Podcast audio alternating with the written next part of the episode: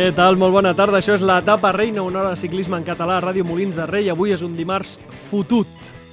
Avui és un dimarts fotut perquè tornem de vacances, però sobretot és fotut perquè queda un any per París-Roubaix 2024.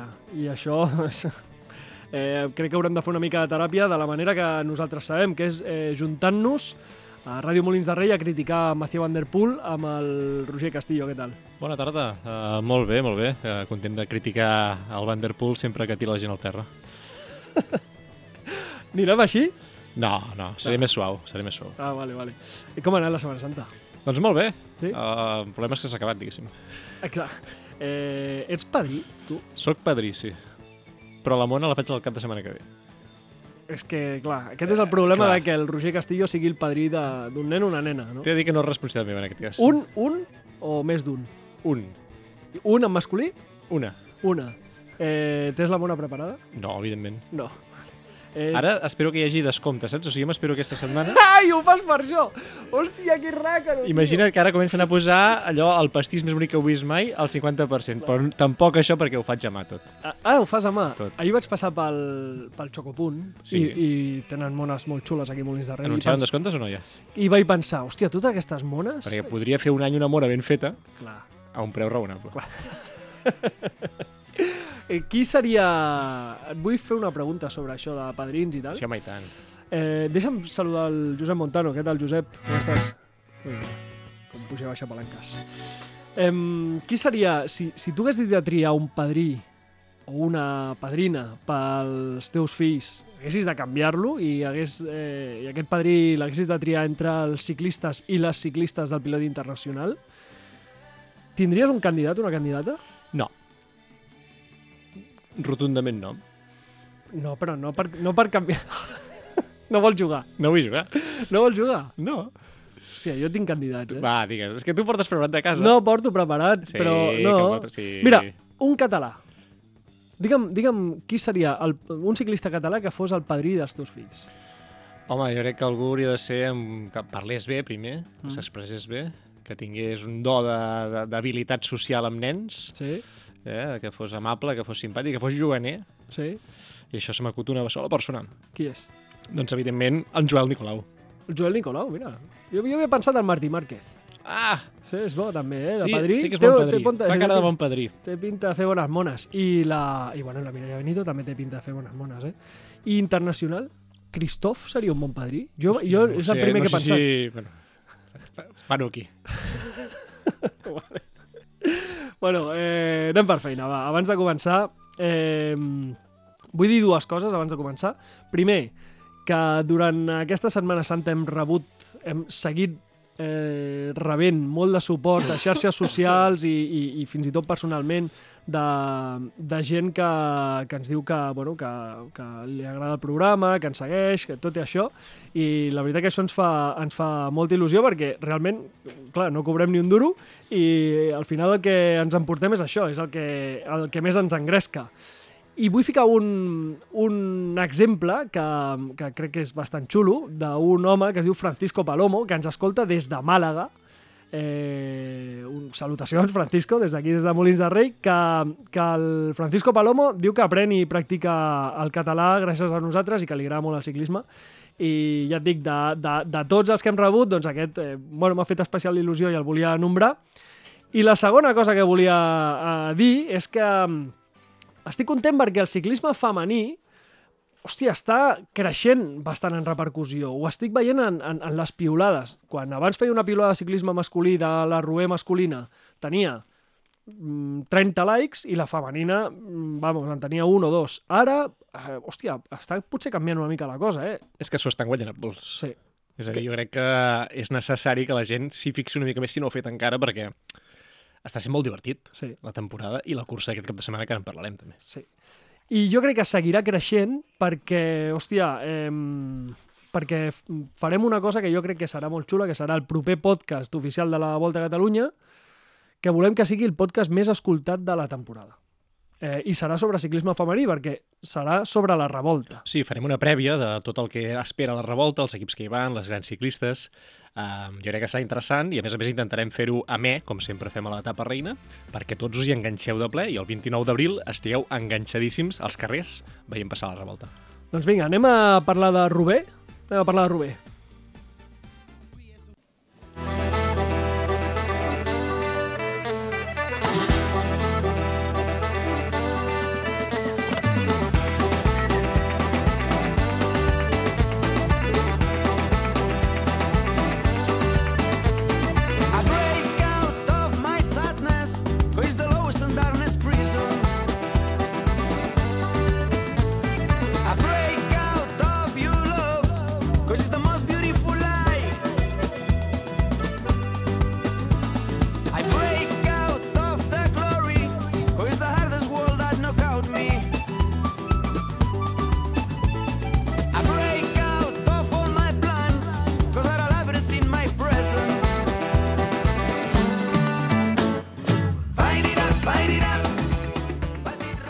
Rubé, la gran cita de l'any, tant masculina com femenina. Dissabte vam tenir la femenina, diumenge la masculina. Roger, quina et va agradar més? Home, clarament la femenina. Sí? O sigui, la masculina va estar bé, eh? Sí. No és un dels pitjors anys de Rubén ni molt menys, però Mhm. la femenina és que em vaig... En... O sigui, primer vaig veure com anava la cursa, Sí. em vaig començar a enganxar pensant, a veure com els de darrere van arribant, van arribant, van arribant, i em vaig quedar atrapat, anar veient passar els quilòmetres i, I que- pensant, i que no, no pot ser, arriben. no pot ser, sí. no pot ser. I van arribar, és que va ser espectacular, va ser espectacular. Eh, M'interessa molt la teva opinió sobre Rubé, però m'agradaria saber l'opinió d'una persona que realment va ser protagonista de la cursa perquè la va córrer. Home, home, Perquè la va córrer. És una catalana, es diu Lucía García, eh, ciclista professional de 18 anys només, mare de Déu. de Sant Feliu de Guíxols, i la tenim al telèfon. Què tal, Lucía? Hola, bones, molt Com, bé. com estàs? Bé, bé, molt bé. Eh, com tens el cul? Pregunta que s'ha de fer després Bueno. de Rubé, no? Es nota molt, eh? Jo al final porto dos dies amb els braços que encara no els puc moure. Sobretot diuen que és... Que és eh, clar, jo m'imagino que... Eh, jo sempre t'imagines el cul, no? Però, però els braços deu ser també molt... molt deuen cascar-se molt, no? Per mi és el pitjor, o sigui, els braços eh, i les mans, no en si les mans en plan de ferida, sinó en, el fet de l'impacte et deixa les mans rebentades. Bueno, que, eh, digue'm una mica si es disfruta, Rubé, o, o, o es pateix, o, o una mica les dues coses. Mira, per mi ha sigut la cursa més dura que he fet mai, Sí? però també la que més he gaudit. O sigui, és com... Les, la odies, però també l'estimes, saps? Que bo, això, això ho deien eh, previ a Rubé, un exciclista, ara no recordo, vaig llegir per Twitter, que deies, hòstia, estàs, estàs patint com un, com un tocino durant tota la cursa, però quan t'estàs apropant al velòdrom, dius, hòstia, quina pena que això s'acaba. Sí, sí, tal qual.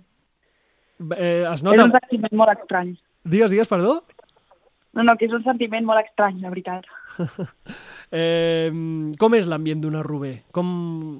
Tu, has, tu ara has estat corrent Flandes i, i Shell de Pris també, has, vull dir, has fet Sí. una bona campanya de, de clàssiques. Eh, amb quina et quedes?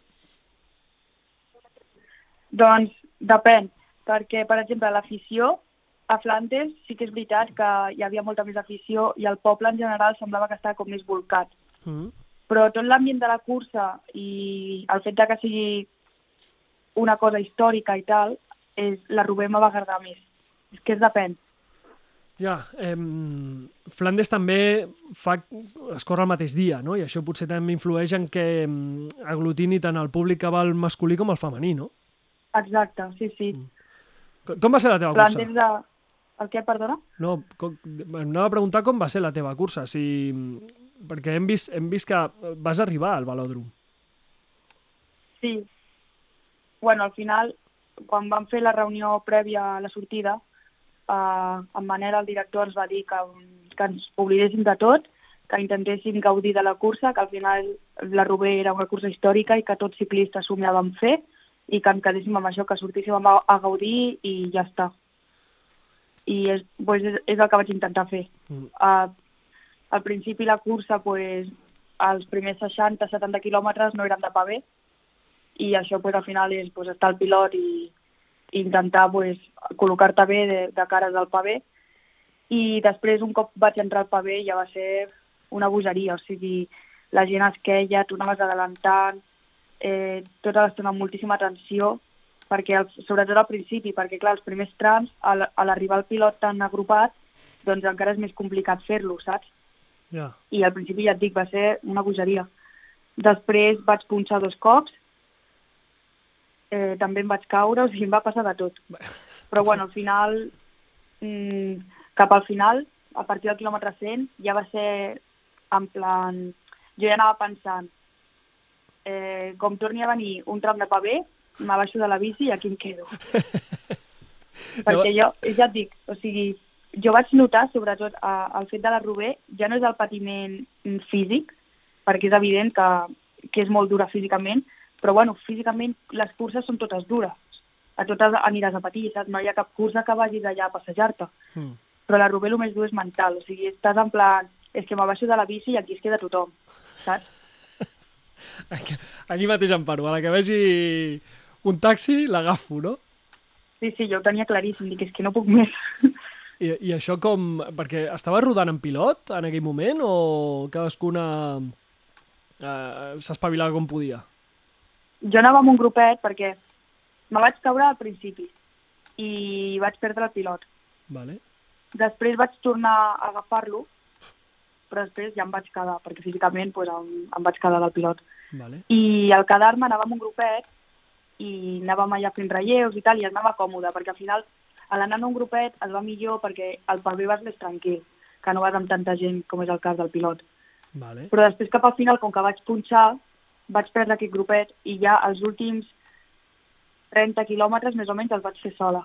Déu-n'hi-do, eh? I aquí ja era en plan, és que estic aquí sola, només que em trobo pavé i estic, estava feta merda, perquè era veritat, i és, i és el sentiment aquest quan em va venir de dir, és que em baixo de la bici ja. I, I quan... Amb aquests 30 quilòmetres encara et falta el Carrefour de l'Arbre o no? Sí, sí, sí, Hòstia. el vaig fer sola. El vas... Hi havia gent encara per allà o no? Jo vaig flipar, o sigui, jo, jo era de les que estava més a darrere i la gent jo crec que m'animava com si jo fos la primera. Ai, que bo! De veritat, eh? Hòstia, doncs Sí, sí. això ha d'ajudar molt, no? A, a, a dir, buah, això és una... És a dir, per gaudir-ho, no? Per dir, això no ho abandono ni de conya. Per no baixar. Exactament, o sigui, va ser per això, bàsicament. I, clar, el fet és, perquè, clar, arribo a estar sola als últims 30 quilòmetres i dic, és que em dono una volta i no em veu ni ningú. Però ja la gent anava animant i a sobre vaig trobar catalans, hi havia molta gent basca, o sigui, que a sobre t'animaven i molts sabien hasta el meu nom, saps? Ah, Que això pues, va ajudar moltíssim. Hosti, que guai, no? Sí, sí, sí, sí. Eh, mira, per cert, avui ens ha... Bueno, a, a, a Twitter eh, ens ha contactat un, un, un noi eh, que es diu Carles Costa que ens ha dit, ostres, eh, m'ha fet molta il·lusió perquè vam anar a Rubé eh, i estàvem, crec que en- entès, perquè ho hem, hem, ha sigut un missatge ara ràpid, eh, que estaven a la sortida i que, bueno, els, us van ensenyar unes senyeres i tal, i que veu baixar a fer-vos una foto amb ells. Pot ser això o no? Sí, sí, sí, és veritat. Ah, sí? Diu, ostres, pues, Sí, perquè diu, diu felicita-la per l'actitud, que són unes ties de puta mare, diguéssim, amb, amb tu, tant tu com la Marta i tal. I, i que guai, no?, trobar-se això a, a, una cursa que és la primera vegada que participes. Sí, ens va fer molta il·lusió perquè, a més a més, a la sortida, abans, bueno, abans de sortir, en Manel, el director, ens va dir que érem les primeres catalanes en córrer una, en córrer una Rubé. Sí? Perquè, clar, com s'han fet tan poques edicions, doncs va donar la casualitat que érem les primeres. Hòstia, que bo. És I clar, això pues, al final pues, fa il·lusió, saps? I estàvem a la presentació d'equips i vam veure que, bueno, això, dos nois amb la senyera, i doncs vam baixar a fer-nos una foto amb ells perquè ens va fer molta gràcia, la veritat. Eh, què, què més m'expliques de la Rubé? Quin, quines impressions et va deixar compartir una cursa, per exemple, amb, amb, amb ties tan favorites com, com Lotte Kopecky o, o, o l'Estrec, no? Longo Borghini, que, que Trek sempre havia guanyat aquesta cursa. Quan, quan abans de sortir les veus allà i, i penses, buah, aquestes volaran o què? Clar, o sigui, per mi és una cosa molt gran, perquè jo sóc ciclista de tota la vida i sempre he seguit les curses i clar, tu, fa dos anys, jo me'n recordo quan es va fer la primera Rubé, eh, jo l'estava mirant a la tele i estava pensant, buah, imagina't algun dia estar corrent allà, no sé què, i jo flipava, saps? Mm. I quan aquest any vaig, eh, bueno, va, he començat a, tingu, a tenir aquestes oportunitats de córrer curses, ta- curses tan bones, jo flipava perquè dic, com podré jo córrer amb aquesta gent? Perquè al final és, és això, és compartir cursa amb els teus ídols. I, i gent que he seguit jo sempre, mm, bueno, que han sigut sempre referents de, a la meva vida ciclista. I clar, i trobar-me allà a la sortida i compartint pilot i, i veure que puc anar a la seva roda i que la tinc al cantó i és que molts cops estic allà rodant i em donen ganes de dir-li eh, fer-li un petó." jo soc molt fan teva, saps? Ja. Clar, que guai, no? I, eh, et vas ficar a roda. Quina, quina és la millor roda que has agafat, aquesta Rubé? Eh, de Lorena Vives. Oh, cuidao, eh? Sí, sí. sí, sí. Bueno, Lorena Vives és una... O sigui, tu li podries plantar cara, per exemple, a la pista, a Lorena Vives, o no? Ja m'agradaria, no sé, la veritat. Home, tu a la pista... No crec. Eh, sí, a la pista tu li plantes cara a l'Olena Vives. Aquest és el titular. Aquest és el titular. eh, et vas dutxar? A, a, Eh, no. a les dutxes aquelles no, no? No, no vaig poder. Això que, com funciona? Perquè- Tu, no et deixen? No, com funciona? No tinc, és que no tinc ni idea, perquè jo vaig arribar allà que la gent ja, jo crec que ja la, la gent ja estava a la dutxa, o sigui, jo vaig arribar, vaig anar a, a la furgoneta de l'equip Sí. i vaig preguntar on estan les altres dues, perquè faltaven dues, i van dir, s'estan dutxant. Sí, jo crec, no sé, jo crec que potser per, per dutxar-te havies d'acabar dintre del temps. Ah, No tinc ni idea, la veritat. Vale, perquè fa, fa bastant de temps hi havia... va sortir bastant... O sigui, es va, es va fer bastant viral un ciclista que era... Eh, tu te'n recordes d'aquest, Roger? Era un, era un tio lituà... Siskevichus, Siskevichus, era? jo diria que sí. Era un, era un lituà que, Que va entrar tard. que va entrar Tardíssim, tardíssim, vaja. però va voler acabar la cursa i es va fer viral per això, no? perquè li van obrir les portes del velòdrom al final, va haver de lluitar per... i va fer la volta i tal, i va acabar la cursa. I, aviam, tu, eh, tu vas acabar, doncs, eh, em sembla que són 30 i pico minuts fora de temps, diguéssim, encara hi havia Sí. un parell de noies darrere teu, però, però, però hòstia, que, que a vegades es parla molt de, de, de ciclistes com el Siskevichus, però de, de tu no s'ha dit massa cosa, i, i són coses que jo crec que s'han de, de destacar. Eh, el fet de voler acabar una Rubel la primera vegada que participes.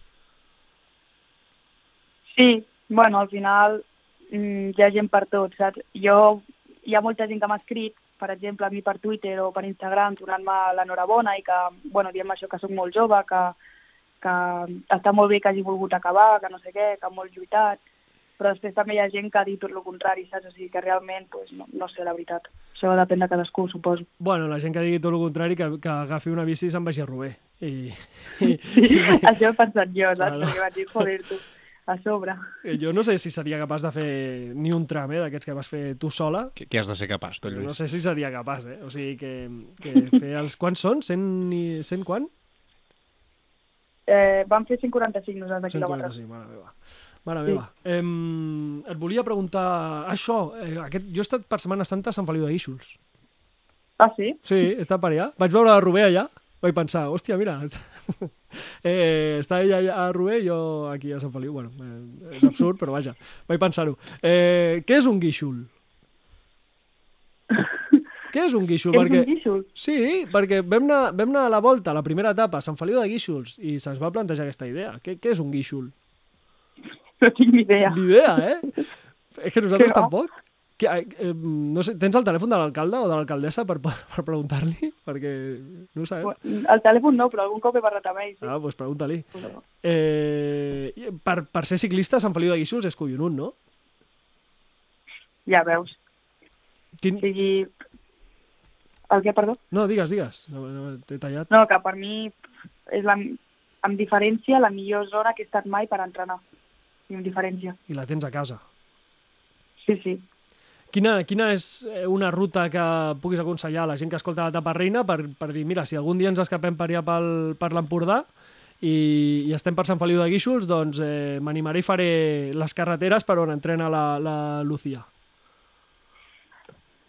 Doncs, sense dubte, per mi el millor és la carretera de Tossa, perquè al final és això, és una carretera que arriba fins a Tossa, són 25 quilòmetres, i és tot, són tot curves que vas fent la costa i tens tota, tota l'estona al mar al cantó, i això, si a sobre fa un bon dia, és collonut.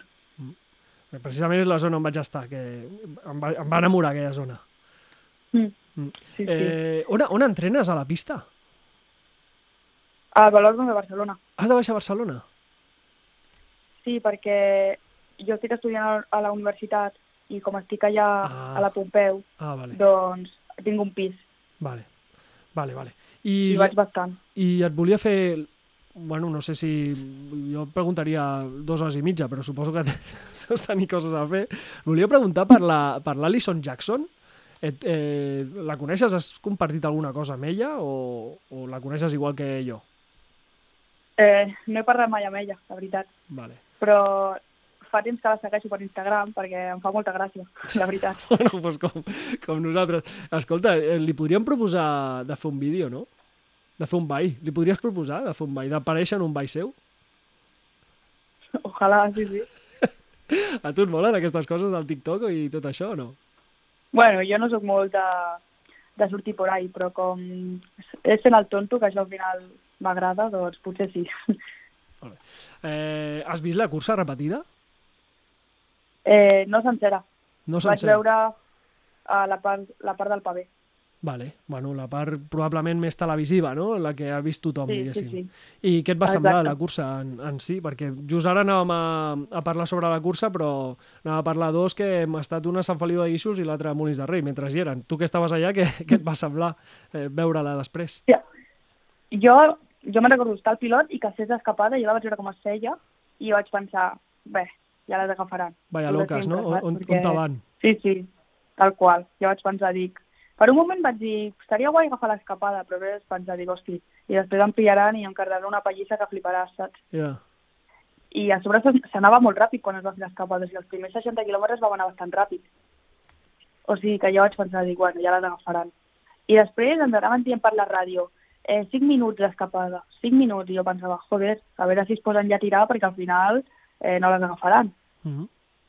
Això, I- això, això qui us ho diu? Us ho diu el vostre equip o ho, diuen a Ràdio Volta, diguéssim? Eh, l'equip, l'equip ens ho deia. Vale. I, I, I- clar, va passar, van passar els quilòmetres i, i, i no cacen, no cacen, no cacen, no? Clar, jo al principi, eh, quan estava al pilot, anava veient que no, que no els agafaven. I després, eh, més endavant, quan ja em vaig quedar, doncs no em vaig enterar de res més, i quan vaig arribar a meta, em van dir, no, que ha guanyat una de l'escapada, i dic, què dius? I ja quan vaig veure la cursa repetida, doncs jo penso que els equips, els equips top, els que havien de posar-se a treballar, doncs jo crec que es van dormir, o no sé, la veritat, perquè m'estranya molt que no les agafessin, la veritat Ja. però també he vist que per l'escapada mm, l'Alison Jackson, per exemple, va treballar moltíssim. Sí. Sí. I que al final pues, és una, una victòria supermerescuda. sí, sí. Contenta, no, amb la victòria? Tu també. Nosaltres aquí estem contents. Sí, sí, sí, jo molt. Molt bé. Molt bé. Quin, que, quines són les properes curses que tens pensat córrer? Eh, la revolta. Ole! Molt bé. Això és el 29 d'abril, dissabte, no? És dissabte 29 Sí. d'abril. Exacte. Sí, sí. Eh, bueno, doncs eh, ens veurem per la revolta, perquè nosaltres eh, aquí a la Taparrina som el podcast oficial de la Volta, o sigui que i, i tenim la intenció, Lucía, mira, ens podries ajudar amb això, tenim la intenció de que sigui el podcast més escoltat de l'any, perquè moltes vegades veiem que mm, quan parlem de ciclisme femení mm, baixava una mica el, doncs, eh, la repercussió mediàtica de, de, del programa o, del, o de la piulada o de la publicació a Instagram i, hòstia, volem canviar això, no? I que, que, que aquesta revolta signifiqui doncs, això un canvi en, en, en repercussió mediàtica, almenys en ciclisme català. Vale, guai, molt guai. Eh, doncs eh, aviam si ens veiem... Aniràs a la presentació? No crec, No crec. la veritat. Bueno, doncs a veure si ens veiem per la revolta i, i ens coneixem en persona i xerrem una estona i, i fem un ball. De la... Va, sí. No crec, no crec que fem cap ball. Eh, però bueno. Eh, Lucía, eh, moltíssimes gràcies per atendre'ns avui després de, del cap de setmana que has tingut i, i res, molta sort al futur i, i que vagi molt bé la revolta. Res, moltes gràcies a vosaltres. Vinga, una abraçada molt forta. Que vagi bé.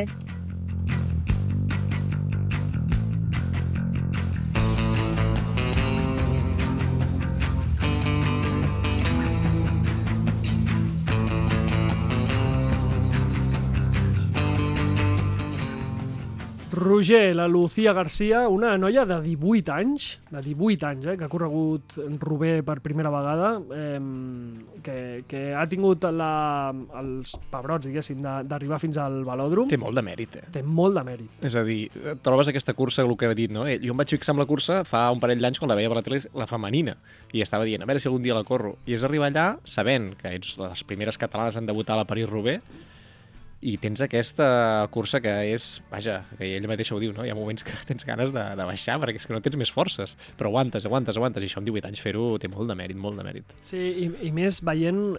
Eh, durant la Roubaix, ho sabem, és una cursa que es, es gaudeix, però també és perillosa. Per exemple, la Sandra Alonso, que va ser desena l'any passat, va fer top 10, no sé si va ser desena o Top va fer 10. top 10. Sí, sí, o sigui, el desena, sí. Sí, no sabia si era vuitena o novena, no me'n recordava ara mateix. Però que mm, vam poder parlar l'any passat tot just eh, el programa després de, de Rubé, estàvem parlant amb Sandra Alonso, avui no ho hem fet perquè es va trencar la clavícula, es va, Sí, va sí. fer bastant de mal, que vull dir que això, no? Des, després de córrer una Rubé, suposo que has de valorar eh, haver arribat a, a, a, al velòdrom i haver acabat la cursa i tenir l'experiència per altres anys eh, doncs intentar millorar i És ja que està. jo crec que la vivència que t'endús d'allà, ella ho ha dit, no? És potser la pitjor i la millor cursa alhora, no? I això jo crec que et queda durant dies i dies i segurament estar en un núvol, quan la veiem per la revolta, jo crec que encara, si li parles de Rubén, encara se li il·luminen els ulls allò de dir, hòstia, és que va ser una experiència única. I després ja la repetirà, ja tindrà temps de, de fer-ho, però de moment, per ella, jo crec que és, que és, que és com un somni. Eh, tu vas veure la cursa? Vaig veure un bon tros, perquè en principi aquell dia no podia seguir un directe, però ja et dic, em vaig, vaig veure com anava la cursa, vaig dir, va, miro un momentet. I després ja segueixo fent el... Doncs ja no vaig parar. Ja. És que, és que va enganxar-me completament, eh? És que va ser una cursa, hòstia, eh, clar, és, és aquesta És persecució, la persecució, constant. sí, sí. És que és el fet aquest de veure una cursa que saps que els de darrere arribaran, perquè ho saps, sempre ho saps, sempre saps Mhm. que arriben, Sí. i saps que al Rubé poden passar coses. I llavors jo no pensava que no arribarien sense que passessin coses al darrere. És a dir, jo l'escenari que contemplava és, pot ser que hi hagi alguna caiguda, alguna cosa al darrere, amb qualsevol tram de paper, d'aquestes massives o que faci recol·locar els equips, que els faci aturar-se, i llavors potser amb això, el fet d'anar davant, com sempre, val molt la pena la Rubé perquè et dona opcions, però el que no pensava en cap cas és que per pura força, especialment els últims 10 quilòmetres, que, que era un gat i ratolí constant, aguantessin, és que un moment que la diferència era molt petita. Sí, sí, I sí. estaven allà i allà i allà, i no hi havia manera que algú al darrere fes l'esforç definitiu o elles acceleraven el moment clau per fer-ho. És que no sé, jo anava veient la cursa i pensava és impossible. I la sensació del final, quan ja entrava al velòdrom, és que estava amb cara de és que ho tenen? És que ja està, ja està. Sí, les, les, les escapades, sobretot Alison Jackson, eh, la Ragusa, l'Eugene Duval, la Marta Lac... Marta Lac, deixa'm destacar Marta Sí. Lac perquè, clar, evidentment, Alison Jackson s'endú el premi, però és que Marta Lac, els últims 7-8 quilòmetres, Tira del pilot. tira d'un- d'una manera que dius, Marta, Mm. uh, No hi ha cap altre del sigui, teu equip aquí. que et facin regals tota la resta, Sí, perquè sí. és un ídol gasto que va fer i jo pensava, és que ho està donant tot. Mm. És que no, si arriben, no arribarà ella. I efectivament, va ser del, del grupet l'última, però uh, jo quan la gent tira així amb aquesta ambició, amb Mm. ganes d'arribar el més important, perquè jo crec que ella era conscient, no?, que si tires tant, tant, tant, al final algú serà més ràpid que tu al, velòdrom. I li va passar això. Mm. Però aquesta exhibició de, de donar-ho tot, um, vaja, és d'aquestes que les veus poques vegades, eh? Les veus poques vegades. I després hi ha tot el quilòmetre que portaven totes, amb, amb l'Alisson, per exemple, tirant fort en moments molt claus de la cursa, era, era bonic de veure.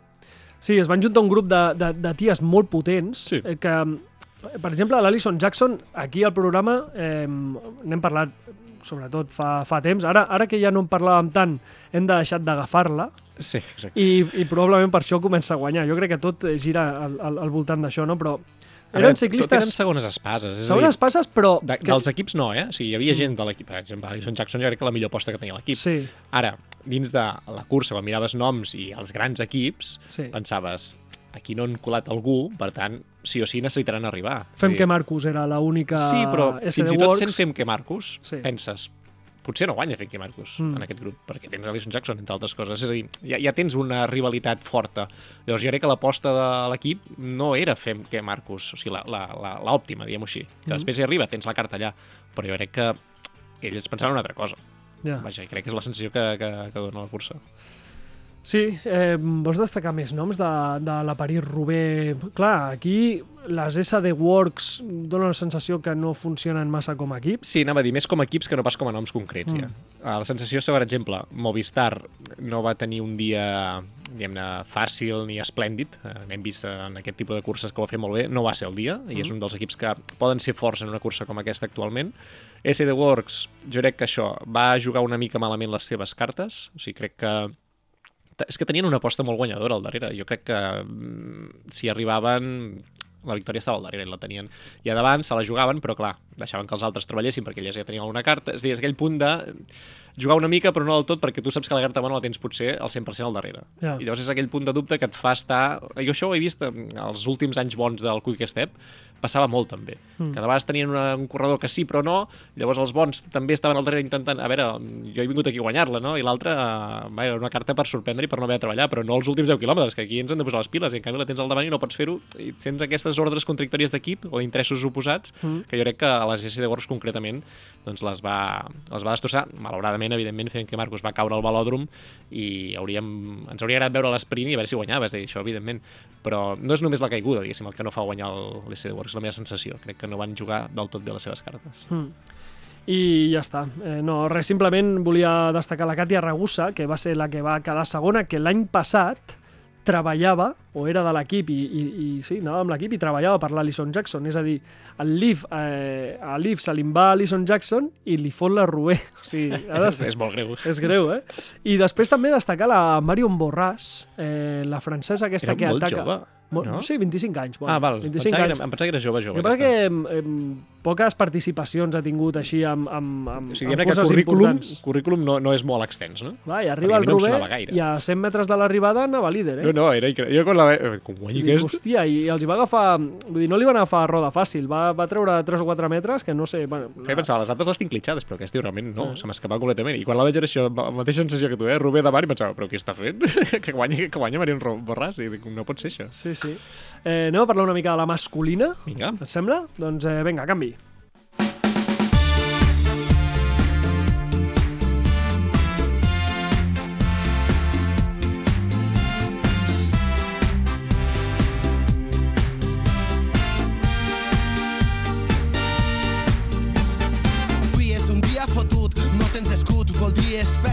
No volíem, eh? No volíem parlar de la masculina perquè, clar, és que va guanyar el germà del David. No, va, diguem-ho bé, diguem-ho bé. Va fer... Mathieu Van Der Poel porta una temporada guanyant Milan San Remo i guanyant París-Roubaix Sí, i sent segon a Flandes. i sense segona Flandes, que de fet el van superar, però sí, aquell dia Pogacar no hi va, jo estic convençut que també guanya. Sí.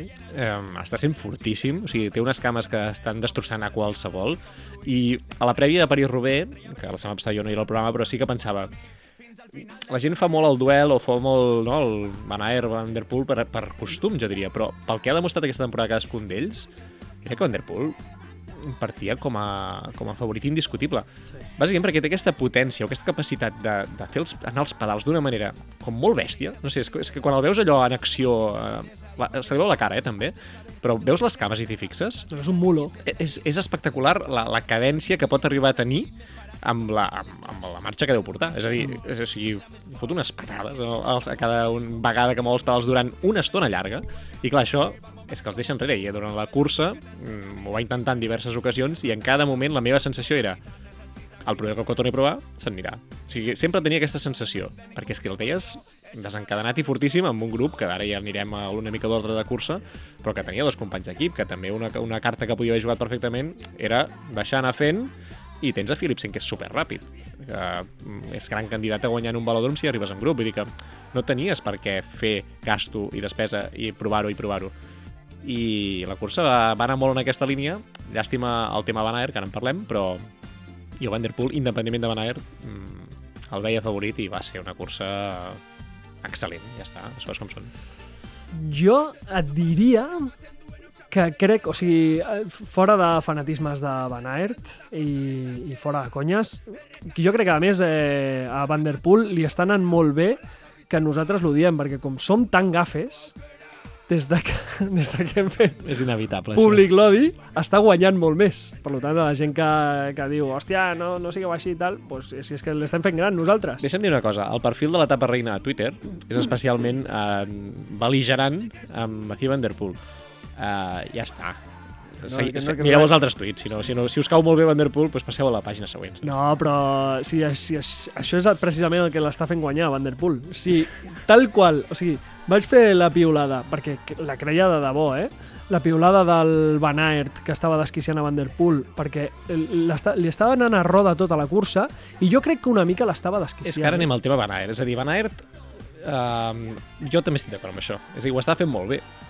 No era el més fort, la meva sensació, Jo crec que però sí, ho eh? estava fent molt bé. Jo no sé si no era el més fort, eh, de la Jo tinc la cursa. sensació que, ja et dic, per, per, per esclat de potència en certs moments de la cursa, és Van Der Poel el que sempre es pot acabar escapant de Van Aert, no al revés.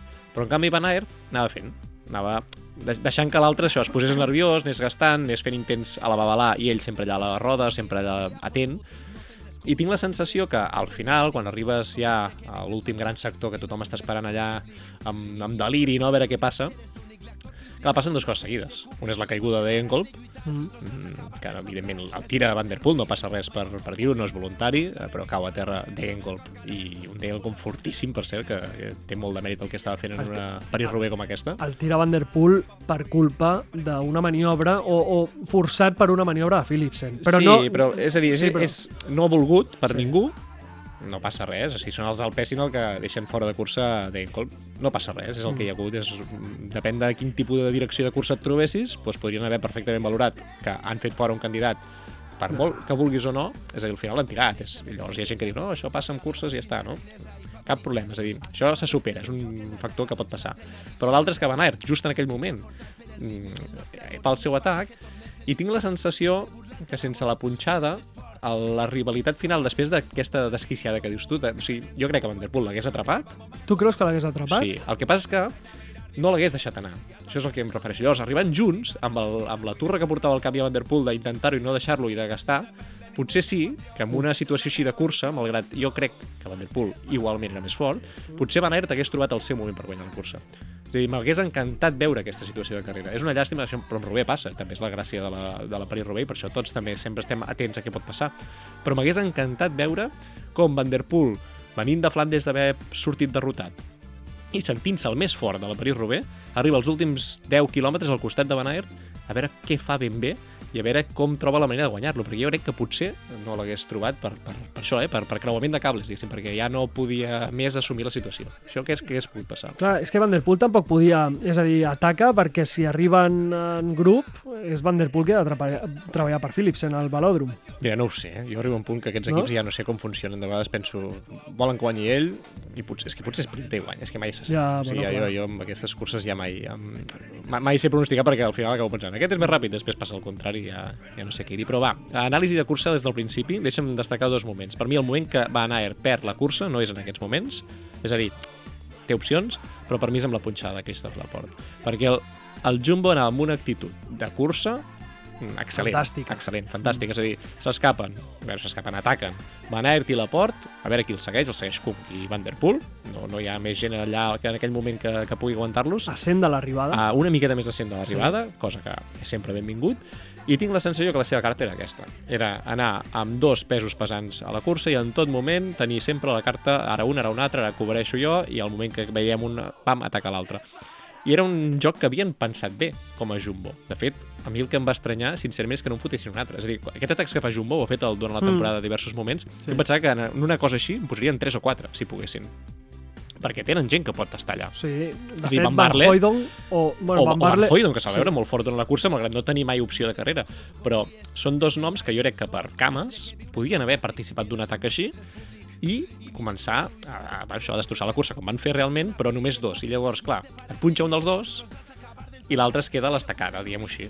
I a més, quan els el pessin estan forts i en venen de darrere dos més, i clar, va ser 3 contra 1, que costa molt, o sigui, costa molt pensar en un escenari guanyador per Van Aert en una cursa com aquesta. I el va buscar, eh? I el, i el va estar a punt de trobar, però jo crec que realment perd la cursa amb la, amb sí. la punxada de, de la Port, perquè jo crec que hagués estat una cursa això d'anar destrossant a Van Der Poel, ara per aquí, ara per allà, ara per aquí, ara per allà, i, i no haguessin arribat els altres Alpecin. Això és la meva sensació, no? que hi hagués hagut algun moment en què per superioritat numèrica potser s'hagués quedat enrere. Jo crec que és una cursa que sempre has de tenir la ment molt oberta i, i adaptar-te molt a qualsevol canvi, perquè, de fet, Van Aert intenta ser el protagonista i el, i el, i el líder de la cursa i, al final, eh, la cosa li gira com un mitjó i al cap d'una estona es veu en inferioritat de condicions, amb un grup amb tres, eh, Alpecin i i amb, amb, amb, amb un que és superior a tu als sprints i amb un altre que, que, que és eh, igual o superior a tu en, en les llambordes. Per tant,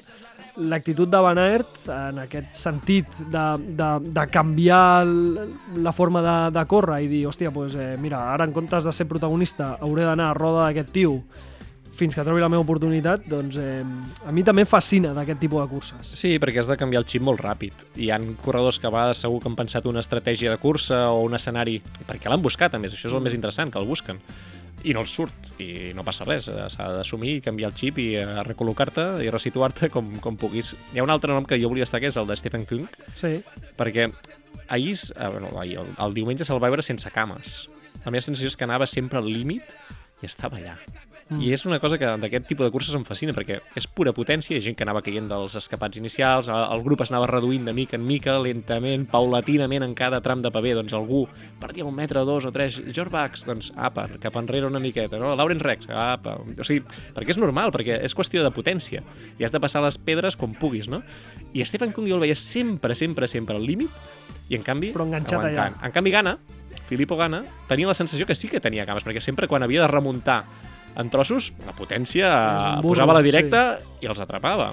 I sempre l'altre a la roda. I jo pensava, com pots tenir aquestes cames i no aprofitar-les i l'altre com pots tenir aquestes cames i encara estar aquí, saps? És aquest tipus de, de com afrontes les curses i quina convicció mental has de tenir per estar allà amb els millors fins gairebé al final. I mira, et volia explicar una cosa. Des de 2015, l'any 2015, va haver un ciclista que va fer eh, el mateix doblet que ha fet Van Der Poel eh, aquest any. Va fer Milan-San Remo i després va fer Roubaix.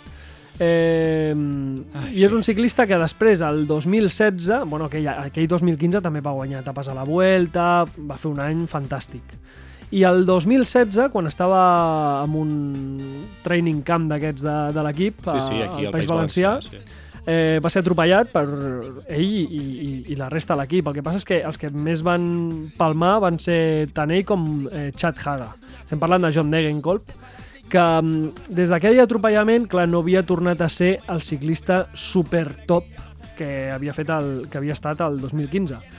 I, a, i en aquesta Rubel l'havíem tornat a veure mm, veiem molt complicat, sí, fortíssim, fortíssim, no, però fortíssim. molt complicat que pogués arribar a guanyar o fins i tot fer podi, eh? Mira, jo tenia la sensació que de tots els que estaven davant, a part dels dos dos, diguéssim, dels dos grans, mm. era el fort. O sigui, era l'altre, perquè ell és qui cobria tots els espais. bueno, Philipsen també anava molt fort. Però jo el veia sempre a la roda correcta, col·locat bé... És que semblava aquella Rubé que va guanyar. Semblava eh? la seva Rubé una Mm. altra vegada. I clar, jo des de fora, abans que caigués, bastant abans, ja pensava, home, tot aquest grup, si a mi ara em fessis triar, només ja per pura simpatia de la trajectòria que acabes d'explicar i per com ha viscut aquesta cursa, que Dengolb sempre ho ha fet bé, la Rubé. O sigui, sempre està en un top 20-25 i d'allà Mm. no l'has tret mai gairebé. I pensava, i si torna a tenir una oportunitat quan ja ningú l'esperava? Perquè la primavera de Gengolb no és que sigui especialment meravellosa, no, tampoc. No, no. Però el veies aquell dia, el veies com un... i li passa allò, per això em va saber greu, bàsicament, perquè era un ciclista que tots els que hi havia al grup segurament el que potser més il·lusió col·lectiva que es fet en general als aficionats del ciclisme. Sí, a més un tio sensible, eh? Que eh, veus les imatges i, hòstia, et trenquen el cor, eh? Ja no, a qualsevol ciclista li, li es desesperaria en una situació així, però és que Degenkolb és un tio tendre, o sigui, és un tio tendre. Quan guanya Milan San Remo, quan guanya Roubaix, és un tio que plora, que, que, que ho sent molt, dona la sensació que és un aficionat més que, que es veu en la possibilitat de guanyar una cursa eh, doncs que, que l'enamora des de petit i, i Exacte. clar, i trenca a plorar d'una manera com un nen, no? Sí, I, perquè és que ho ha vist venir. O sigui, Sí. jo crec que ell es veia. O sigui, ell veia com estaven els altres i com ell era capaç de cobrir espais mm. i jo crec que ell mateix anava creixent-se pensant és la Uah. meva una altra vegada. És que imagina que torno a guanyar Rubé. És que jo crec que ell en algun moment devia pensar-ho, perquè jo crec que es queden tres.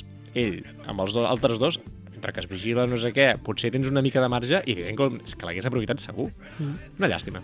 I una llàstima, però d'una altra manera, eh, són els Soudal Quick Step, eh?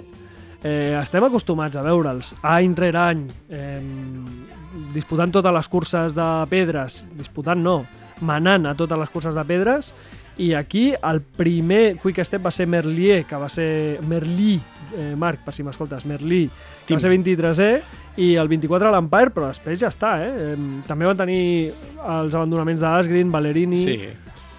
Sí, Però, vaja.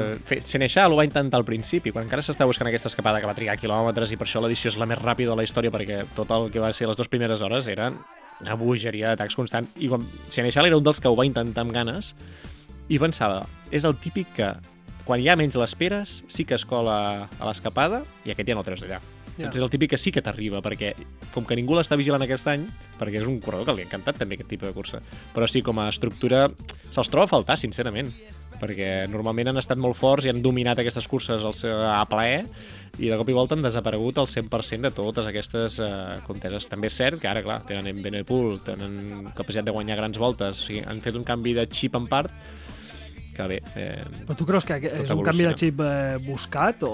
eh, Home, ha des de que tenen Ebenepool, l'equip que van construint al seu voltant cada temporada es va fer una miqueta més fort.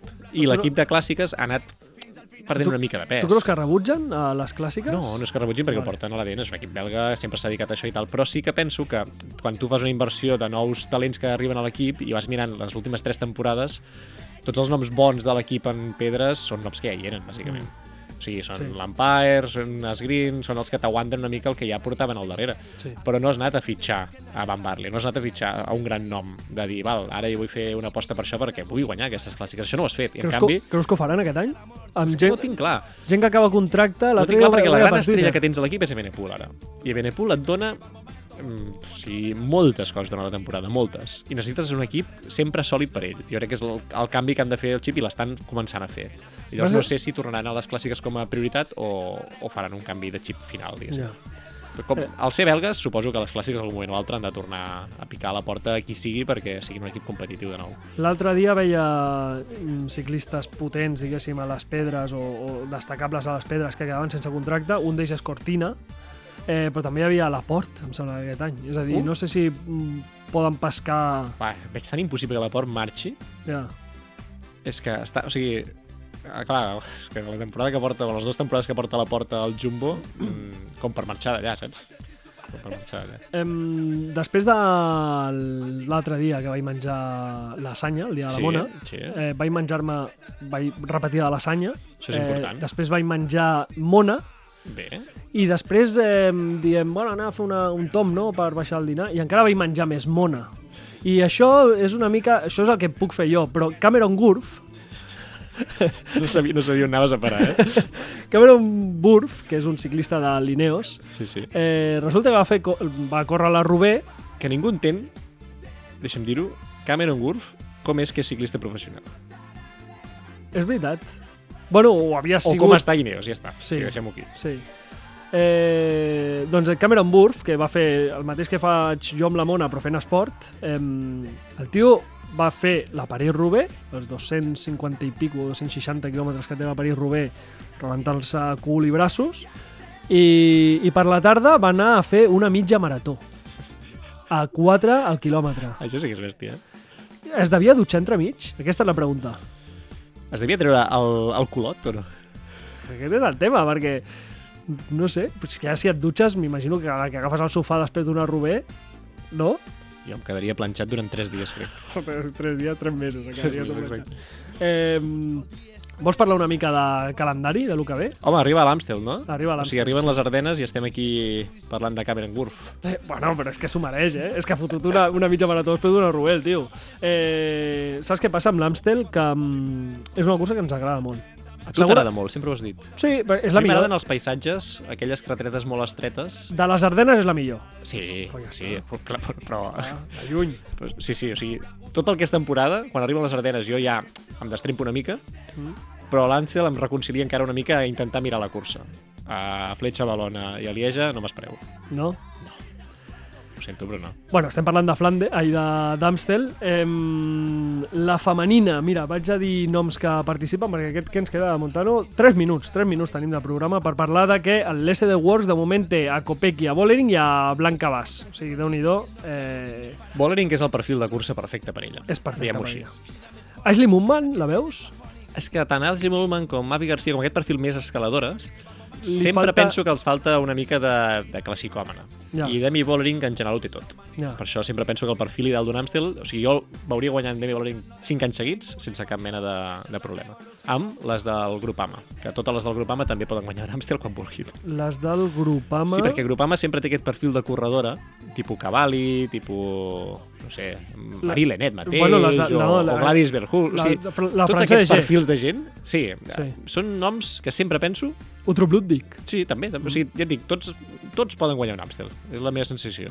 Eh, de catalanes aquí tenim la, la Mireia Benito, Clar, eh, acompanyant a l'Ashley Mullman, i hi ha la balear, la Mavi Garcia, em, que aquí també la veig una mica...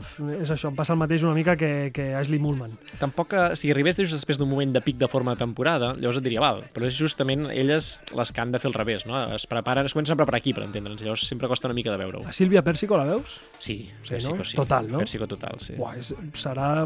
Sí. Fa por, eh, aquesta noia? Sí, sí, és molt bona. Impressiona. Em, te la jugues amb algú? És que em, em costa molt sortir de Bollering, eh? amb sinceritat. I més venint d'on venen, d'una decepció d'equip, jo crec que aniran a arrasar.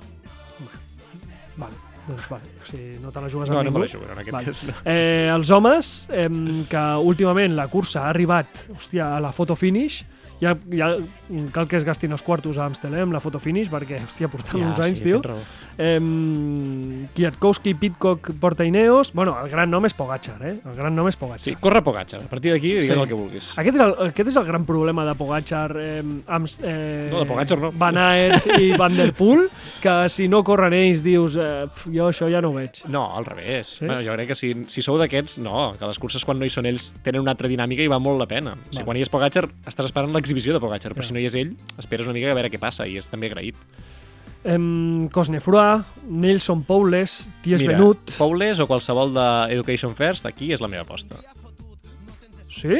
Qualsevol d'Education First, jo veig que Ara, espera, poden fer-ho bé. M'he perdut, ara, i el tenia aquí apuntat. Eh, amb qui va l'Education First? Hòstia, ara m'he perdut. Ah, bueno, va amb Carapaz. Eh, I després porta un equip fluixet, eh? No, No? Honoré? Honoré és capaç de guanyar un Amstel com dic Roger Castillo. és la teva aposta? Segurament sí. Sí, la sorpresa. Sí, sí, sí, sí, és un nom que te'l compro al 100%, sí. Mira, el meu nom és Màxim Manguils. Uh! Ara t'ha agradat, ara me'l No, canvies. te- et veig valent, diguéssim, perquè no sé si és ni tan sols la carta d'un Andreas Kron del Loto, diguéssim, o sigui, és el dubte Hòstia, que tinc. sí. doncs Però, però m'agrada, m'agrada. Mm. Així, així m'agrada, jugant fort. Pello Bilbao, Sergio Higuita, eh, Michael Matthews, eh, hi ha ciclistes interessants en aquesta, en aquesta Amstel. El, el Josep Montano m'ha tret la música, Ha m'estan- dit, ens estan ah, agafant... No, o sigui, ho ha dit molt clarament. Ha fet un, una pausa perquè tu et girissis el cap i llavors t'ha fet un gest com de dir vols marxar d'aquí, eh? que estic a gust. l'utilitzarà gent amb molt més criteri que nosaltres. És que estic a gust, Josep. He de marxar, no? Bueno, doncs marxem, va. Eh, la setmana que ve parlarem d'Amstel i ja de, la, de les Ardenes. Sí, home, sí, de tot el que vindrà. Eh, merci per ser-hi, que vagi molt bé. Adéu, adéu.